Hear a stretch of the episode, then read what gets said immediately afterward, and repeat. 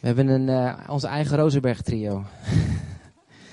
Voor degene die dat weet. Oh, dat is natuurlijk helemaal geen grappig geintje. Want natuurlijk de Iraanse mensen kennen natuurlijk geen Rozenberg trio. Nee, ken je dat niet? Wie kent dat? Niet? Ja, dat, uh, dat is echt... Nou, dat, moeten mensen toch weten, toch? Nee, dat is... Uh, we hebben een, kleine verrassing voor de kids. Mag je even naar Tante Rilana lopen. Daar mag je een klembord pakken. Alle kinderen. Als je een klembord wil pakken, moet je nu naar Tante Rilana lopen. Doe maar. Super. Dan mag je gauw terug op de stoel. Hartstikke mooi.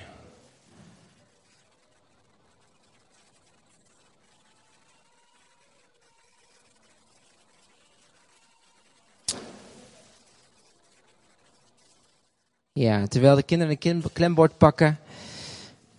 Goed om elkaar weer te zien in een gemeente. Altijd fijn.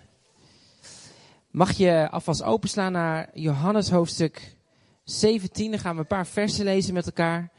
Johannes hoofdstuk 17 vanaf vers 22.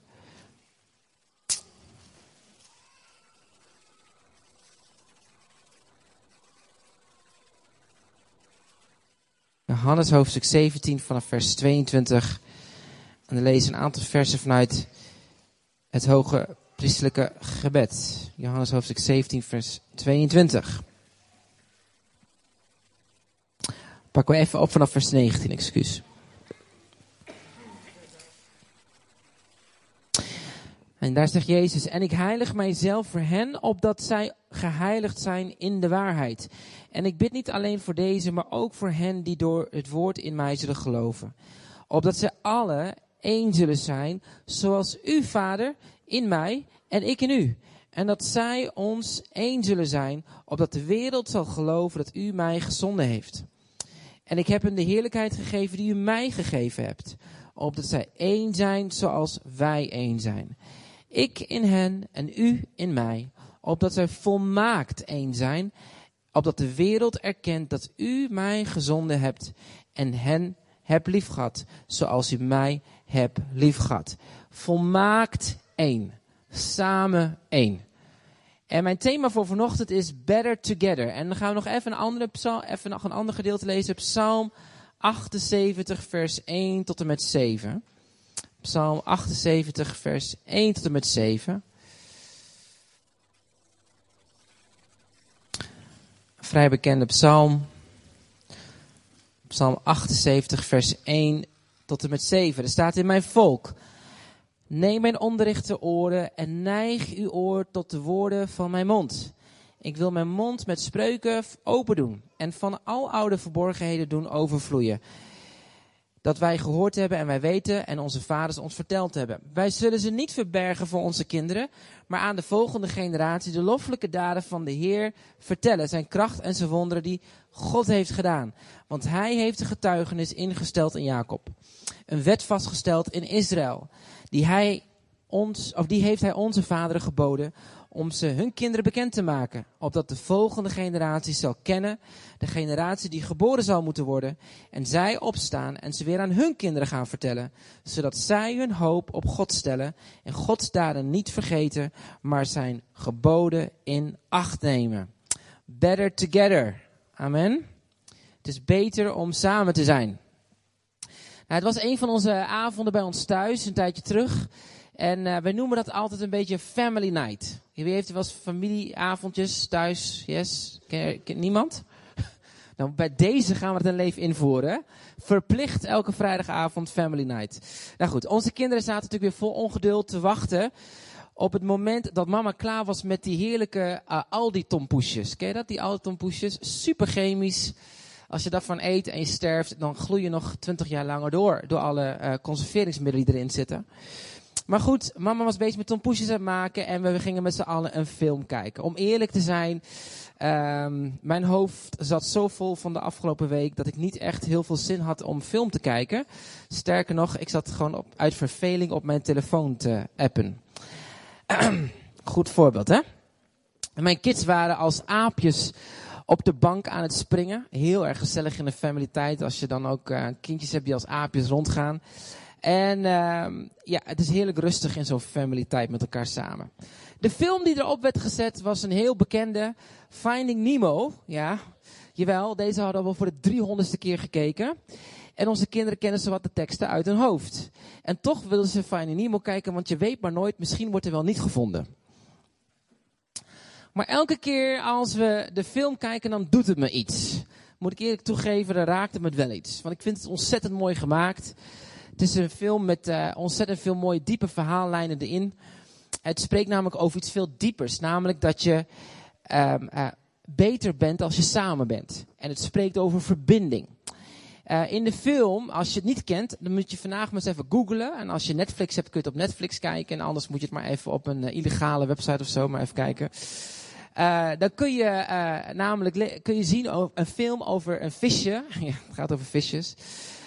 Waarvan de vader en de zoon hebben eigenlijk iets, een, een, ja, iets heftigs meegemaakt. Namelijk dat hun ze hebben beide hun moeder verlo verloren en ze dragen een soort verwonding in hun hart. En die vader die probeert alles op alles goed te doen voor zijn zoontje. En, uh, maar ondanks de beste intenties als vader om goed te zijn voor zijn kind, uh, ja, raakt hij uiteindelijk in de, in de liefde die hij probeert te uiten en de bescherming die hij probeert te geven zijn zoontje kwijt. En we zien hier ook het leven van het zoontje, wat eigenlijk probeert het leven te ontdekken, ruimte probeert te zoeken en eigenlijk begrensd wordt door zijn vader. En die relatie is eigenlijk zo heftig dat de frustratie hun uit elkaar duwt. En als Nemo dan gevangen wordt, ja, moet je maar even kijken. Dan wordt hij gevangen. Ik ga niet alles vertellen, maar wordt hij gevangen. En dan zie je dat Nemo op een gegeven moment weggevoerd wordt. Uh, wordt gevangen, wordt ja, in, een, in een vistank gegooid. En die vader is dan vastbesloten om zijn zoon te gaan vinden. Nou, dat is super gaaf, toch? Als je zo, dus die, die, die kleine visje, dat guppietje, oh nee, het is een clownvisje, zwemt de hele oceaan over om zijn zoon te vinden. Nou, dat raakt me zo diep als je erover nadenkt dat jouw hemelse vader alles op alles zet om jou en mij te vinden. Amen. Hij is de goede herder die ons als schapen, als we soms even afdwalen, ons weer vindt. Hij alles achterlaat en ons wil vinden in de plek waar we zijn. Ons niet afwijst, maar ons terug te brengen in een plek van verbinding. En wanneer dan Nemo en zijn papa elkaar met elkaar verenigd zijn, dan zien ze uiteindelijk ook in wat oprechte verbinding doet. En dat ze elkaar dus ook nodig hebben. En zien je ook in, het, in een scène, in de laatste scène, een soort verwelkomen. Waarbij mensen zich thuis gaan voelen. En waar de ruimte is voor elkaars unieke kwaliteiten. En wat eerder onmogelijk was, wordt hier een, een, een scène gemaakt waarin je ziet als je elkaar ontvangt en elkaar vindt in die oprechte verbinding, dan gebeurt er iets unieks. Nou, ik wil een stukje uit de laatste scène laten zien en ik excuseer me voor de kwaliteit. Die eh, is niet zo heel sterk. Maar het gaat over een laatste stukje scène waarin de vader en de zoon elkaar vinden. En dan in één keer voor een hele grote uitdaging komen te staan. En waarin uiteindelijk in de verbinding die oprecht is met elkaar iets moois tot stand komt. En um, kunnen we het gaan kijken? Yes, daar komt hij.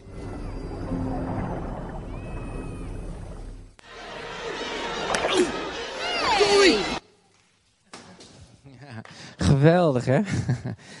Blijf zwemmen. Mooi stukje is dat. Wat ik nou zo mooi vind aan deze scène is dat moment dat hij zegt: Papa, maar ik weet dat ik het kan doen. En dat die vader dan eigenlijk voor dit dilemma staat: van Lies wil zijn zoontje wegtruiken uit het gevaar. En dan samen gaan ze dan toch er doorheen en zetten ze een hele zooi frisse vij die gevangen zaten. Wanneer je elkaar dus echt ontmoet, echte verbinding, dan gaat er iets gebeuren. Dus beter zijn, dat, dat, dat, dat, dat, dat doe je met elkaar samen. Dat is veel beter dan in je eentje zijn. En ja, dat is dan het moment dat mijn zoon op de bank dan altijd naar zijn vader en zijn moeder kijkt of we dan geen tranen hebben. En ja, ik geef toe, wij huilen op dat moment dan bij de film. Maar goed, oprechte verbinding heeft impact. Daar wil ik het met je het over hebben. Better together. Jezus bad in Johannes hoofdstuk 17, vers 20 en 26 dat zijn volgelingen de saamhorigheid en de verbondenheid, liefde en eenheid zouden ervaren die hij en de Vader en de Heilige Geest hadden met elkaar. Maar wat betekent dat als je oprecht met elkaar in verbinding bent? Wat heb je dan nodig om relaties aan te gaan die dan werkelijk te doen? Tot op zekere hoogte willen we allemaal wel verbonden zijn met elkaar. Uh, alleen oppervlakkigheid en het niet geworteld zijn zijn echt ziekten van deze maatschappij en ook ziektes binnen onze kerk. Ze maken broze relaties en oppervlakkige vriendschappen. Dat zijn kenmerken van de kerk, als wel ook van de maatschappij. En dat niet alleen. Wanneer er pijn en verwonding in je hart is, dan zijn er blokkades waardoor er geen oprechte verbinding met elkaar kan staan. En dit staat zo in scherp contrast met wat we lezen over de eerste gemeente. Christenen kwamen niet sporadisch naar de kerk voor een gemeenschap. Afgelopen week was ik in een, uh, in een uh, lezing, een symposium over um, sociale en ecologische gerechtigheid en over de rol van de kerk. En hoe dat de kerk eigenlijk over de afgelopen 60 jaar in Europa steeds minder belangrijk rol is gaan spelen in de maatschappij. Waar vroeger de kerk volop in de maatschappij actief was, is dat steeds meer een marginale rol. Christenen kwamen niet sporadisch naar de kerk voor gemeenschap. Want vandaag de dag kan je ook gewoon lekker christen zijn thuis en op je bank. En dan kan je Hour of Power kijken of je kan naar een conferentie hoppen waar je heen wil gaan. Dat maakt allemaal niet uit. Maar in die tijd was het een heel andere vorm van kerk zijn. Met andere woorden, ze gingen niet zondags na de kerk, ze waren kerk. Ze gingen niet naar een kerk toe, ze waren kerk. In de manier hoe ze met elkaar in oprechte verbinding leefden, was een vorm wat we noemen ecclesia. Uitgeroepenen en de koinonia, de gemeenschap van de gelovigen. Er was een keer een broeder, die, uh, of een dominee, sorry, die, die, die man die vertelde me het verhaal, die, die, die stond op een gegeven moment te preken met een paasdienst. En in één keer zag hij een broeder zitten in de kerk.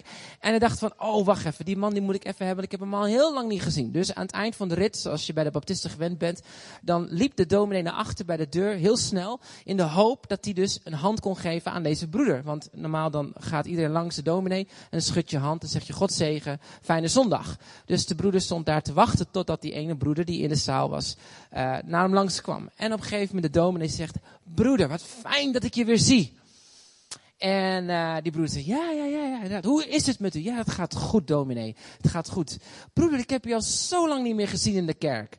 Ja, zegt hij, uh, uh, zegt die broeder van ja, dat klopt, uh, dat klopt. Maar broeder, je weet toch, we zijn toch allemaal kinderen van, van de Heer. We zijn onderdeel van zijn leger en daarom moet je met elkaar samenkomen.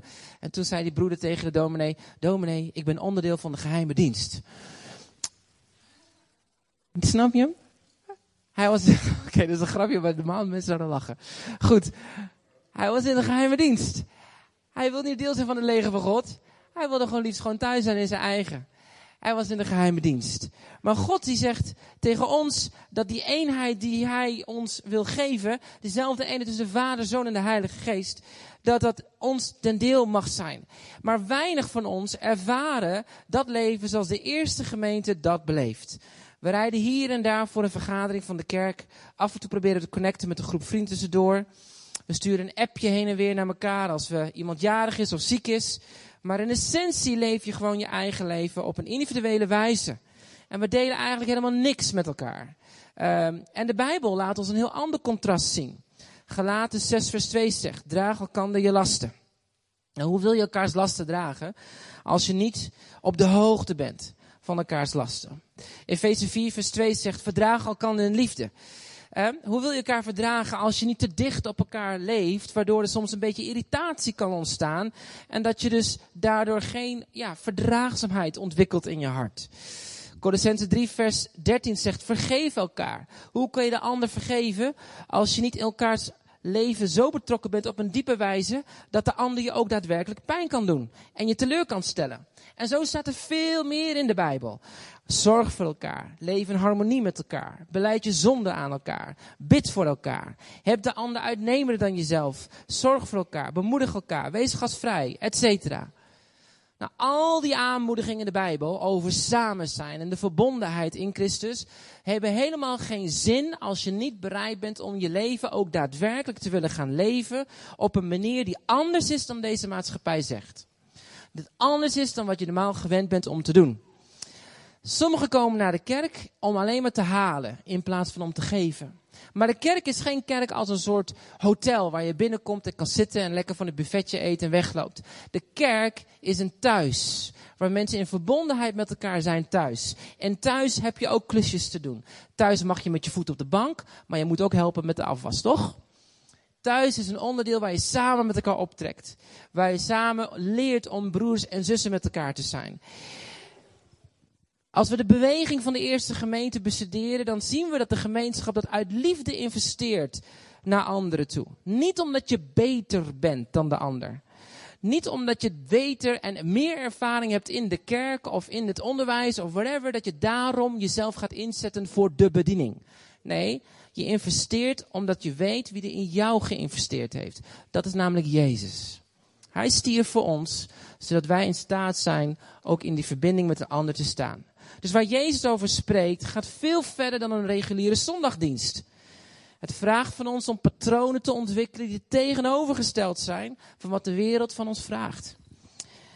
Een cultuur waarin wij denken en handelen vraagt een andere aanpak. En ik denk dat we aan onze Oosterse broeders en zusters veel meer kunnen leren als Westelingen hoe het betekent om samen met elkaar te zijn. De ander uitnodigen in je leven gaat veel verder dan af en toe elkaar opzoeken.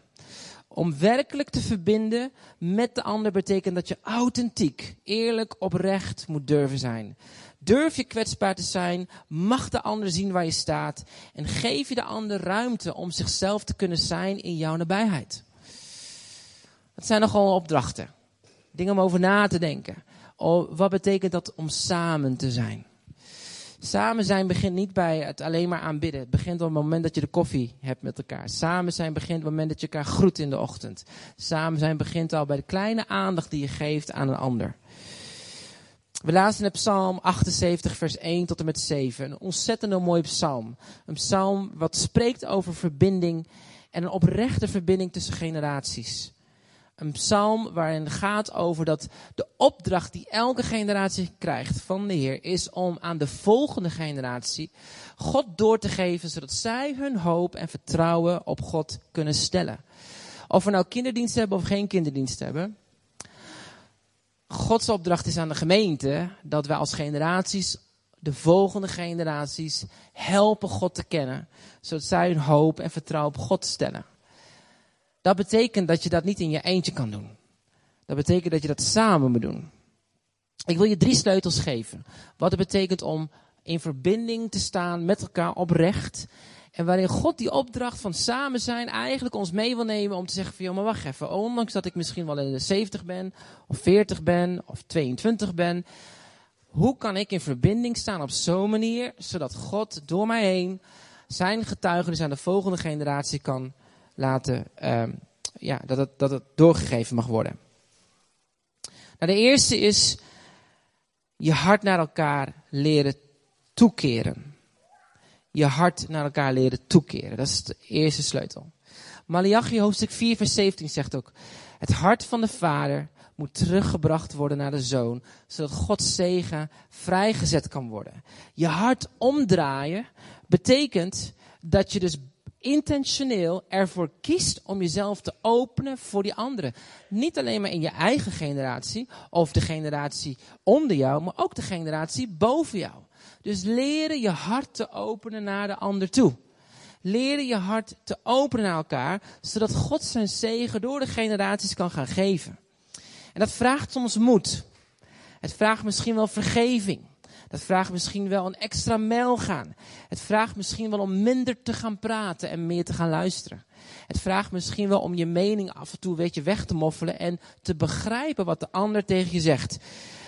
Niks is zo effectief voor het creëren van een hechte verbinding als je bereid bent om je, om je fouten toe te gaan geven om je fouten toe te geven, maakt dat er verbinding kan ontstaan. Dus wanneer je hart dicht houdt, dan sluit je, voor, sluit je jezelf af voor de ander.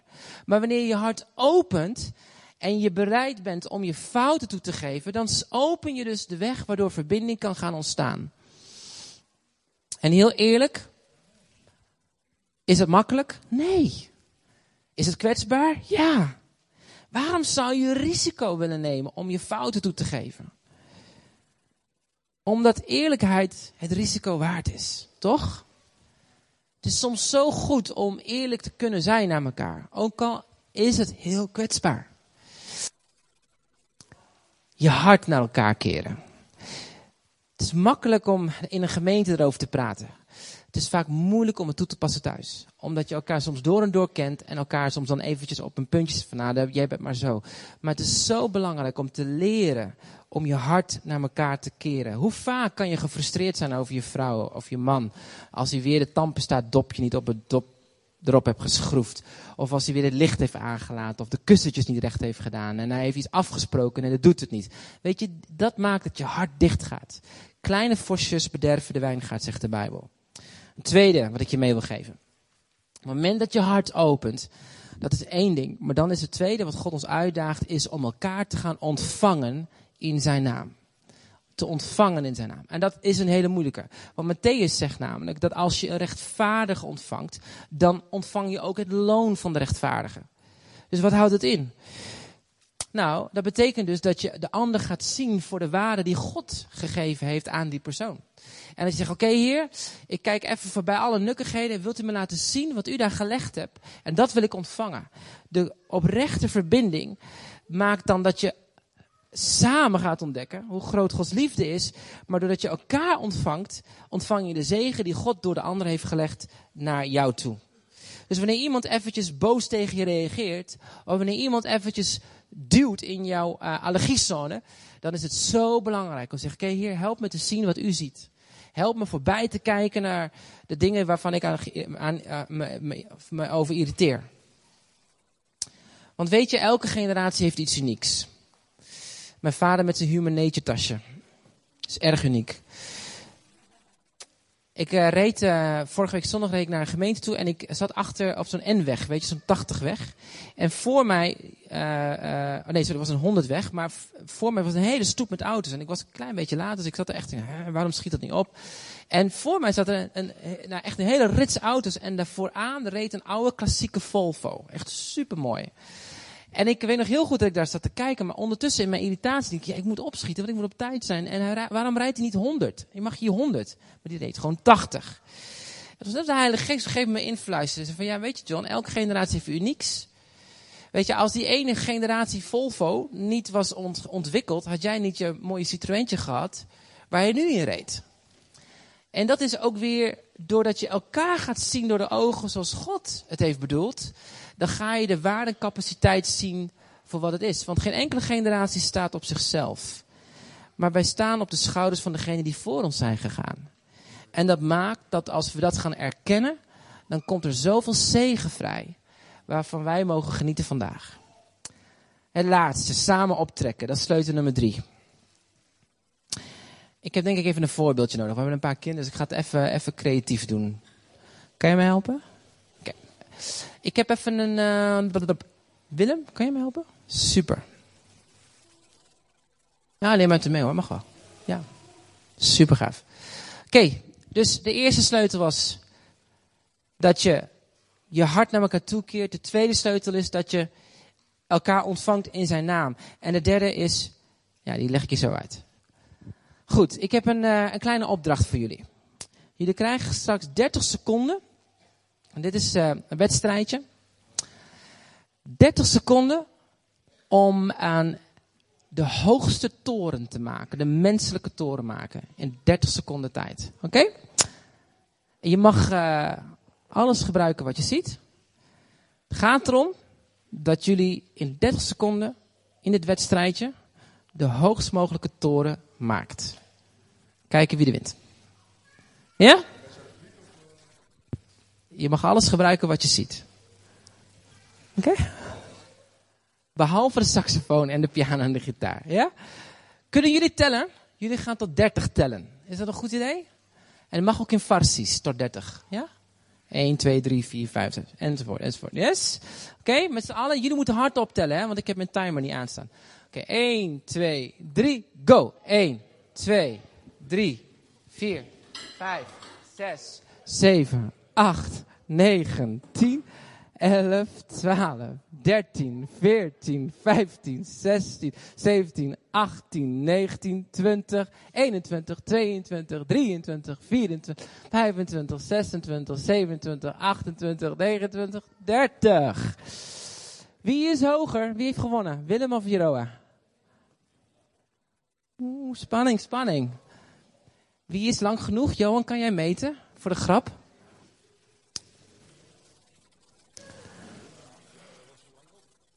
Ja, natuurlijk, hij heeft zijn dochter gebruikt. Hè? Ja. Ga staan, Jeroen. ik denk dat je handen in de lucht moet steken. Ja, ik, ik. Duidelijk, is het de jongere generatie of de oudere generatie? Ja, ik, uh, wie, wie, wie? Ja, ja, de rechter, hè? Ja, sorry Willem. Heel goed. Nou, um, op zich uh, heb je het uh, heel goed gedaan. Uh, echt wel heel tof. Je hebt de, de, de opdracht redelijk goed uitgevoerd. Redelijk. Redelijk, ja. Want je moest natuurlijk een zo hoog mogelijk toren maken. Dat was de wedstrijd. Alleen je hebt het niet helemaal goed gedaan. Want je bent het in je eentje gaan doen. Ja, je hebt je dochter gebruikt, dat is waar. Je stoel gebruikt. Maar hoe kun je nu samen nou zo hoog mogelijk toren maken?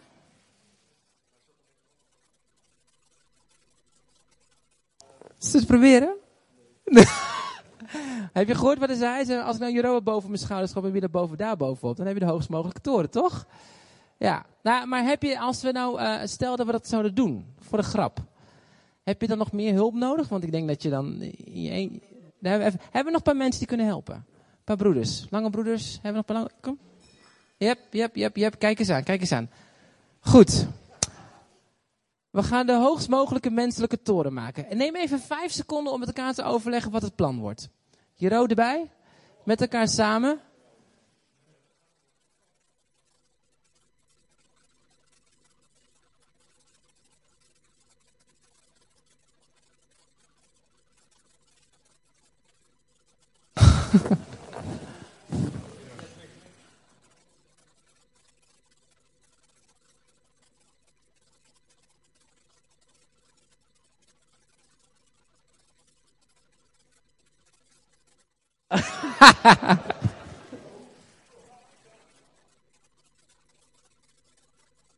Omdraaien, ja, ja, ja, ja, ja. Kijk eens, kijk eens. Supermooi. Oh, yes. Ik denk dat we mee kunnen doen in Spanje, weet je. in eh, Barcelona heb je van die menselijke torens, hè. Ik denk dat we aardig, we kunnen ook zo'n Zutphense eh, wedstrijd doen met z'n allen. hey, super bedankt, dankjewel hey, wat heb je nu gedaan? Willem en Jeroa, wat hebben jullie nu gedaan? Wat zeg je, Jero? Teamwork. Teamwork. Zie je, daar ging het om. Dankjewel. Teamwork. Want elke generatie heeft iets unieks gekregen van, van de Heer. En uh, dat is super belangrijk. Dat je dan ook weet dat wat je gekregen hebt van God, dat je daar maar ook je rol en je plek in Gods koninkrijk ook inneemt. Maar dat je niet alleen doet, you're better together als je dingen samen doet. En het mooie is als je dat niet alleen maar samen tussen de generaties doet, maar ook dat je samen met je generatie doet. Dus Willem nam een aantal broeders mee van zijn generatie. En samen trokken ze die jongere generatie op. En dat is eigenlijk wat ook de prediker zegt. Wanneer twee mensen, uh, sorry, twee mensen kunnen door samenwerking meer bereiken dan één. Prediker 4 vers 9. Dus onze doeltreffendheid krijgt een enorme boost wanneer je samenwerkt. God wil jou op manieren gebruiken die je nooit had verwacht. Misschien zeg je, ja, wat kan ik nou bijdragen in de kerk? Ik ben al wat ouder. Oh, misschien zeg je van, nou, ik ben knetterjong. Weet je, je bent, uh, je hebt zoveel van God gekregen, maar het mooie is dat als je het gaat delen met een ander en je werkt samen, dan komt er zo'n boost uit vrij. Je hebt mensen nodig in je leven. En God wil jou gebruiken, maar hij wil je vooral gebruiken in teams. Teams waarin je elkaar helpt en elkaar tot zegen bent. Teams om een ander te laten shinen. Ook al krijg je soms even niet de spotlicht. En dat is oké. Want God heeft ons zo gemaakt dat we meer voldoening ervaren wanneer we deel zijn van een team. En niet zomaar een team, we willen God's Dream Team zijn. Een team zorgt ervoor dat we dichter naar elkaar toe groeien en dat we samen meer gedaan krijgen en dan ook bovendien meer plezier beleven. Dus wanneer je snel wil groeien in je leven met de Heer, leer dan samen op te trekken en de ander te gaan dienen op een manier zoals Christus het ons heeft voorgeleefd. Je bent niet te stoppen En je bent dan in staat om grote dingen te doen als een team. Nou, weet je waar team voor staat in het Engels? Together each achieves more. Samen, iedereen, iedereen is samen in staat om meer te doen. Samen zijn we beter. Vanochtend kwam ik hier binnen en ik uh, was aan het genieten. De, team was al bezig met de worship en ik liep achter naar de koffie, want we wilden even gauw koffie halen. En er stonden een paar van onze geweldige, lieve zusters koffie te schenken. Even je hand in de lucht. Ja, Sarah was daar. Super gaaf. Ik vind het mooi om te zien wanneer mensen in de gemeente komen. En um, het was Engels en Nederlands tegelijkertijd en een beetje Farsisch. Maar dat was super gaaf. Ze hadden een kopje koffie gemaakt. Gaaf dat we samen kunnen werken als team. Samen, door de generaties, door de verschillende culturen. Want dat is wat God bedoeld heeft. You're better together. En als kerk hebben we drie belangrijke waarden vandaag te pakken. En de eerste waarde is dat we geloven dat we een kerk zijn van alle generaties. En dat betekent dat elke generatie ruimte moet krijgen. En ruimte moet krijgen om zich te ontwikkelen en zich veilig te voelen. Maar ook ruimte krijgt om uit te kunnen delen. En het tweede is, we geloven dat we teams zijn. We zijn een team. Een team voor de Heer. Dat is niet zomaar een team alleen maar door een paar leiders met een mooie visie. Nee, team zijn we met elkaar samen. We zijn samen gemeente, samen lichaam, samen om Gods heerlijkheid te, te, uh, te weerspiegelen. En als laatste, we zijn gemeente omdat we geroepen zijn om die hele grote net met visjes, die gevangen zijn, als kleine Nemo'tjes en zijn papa's en mamatjes, hè, dat we die gaan vrijzetten. Dat we geroepen zijn om Zutphen en omgeving te zegenen met de liefde die God in ons hart gelegd heeft. Amen. En daar hebben we elkaar voor nodig. Yes. Zullen we gaan staan? Dan gaan we afsluiten.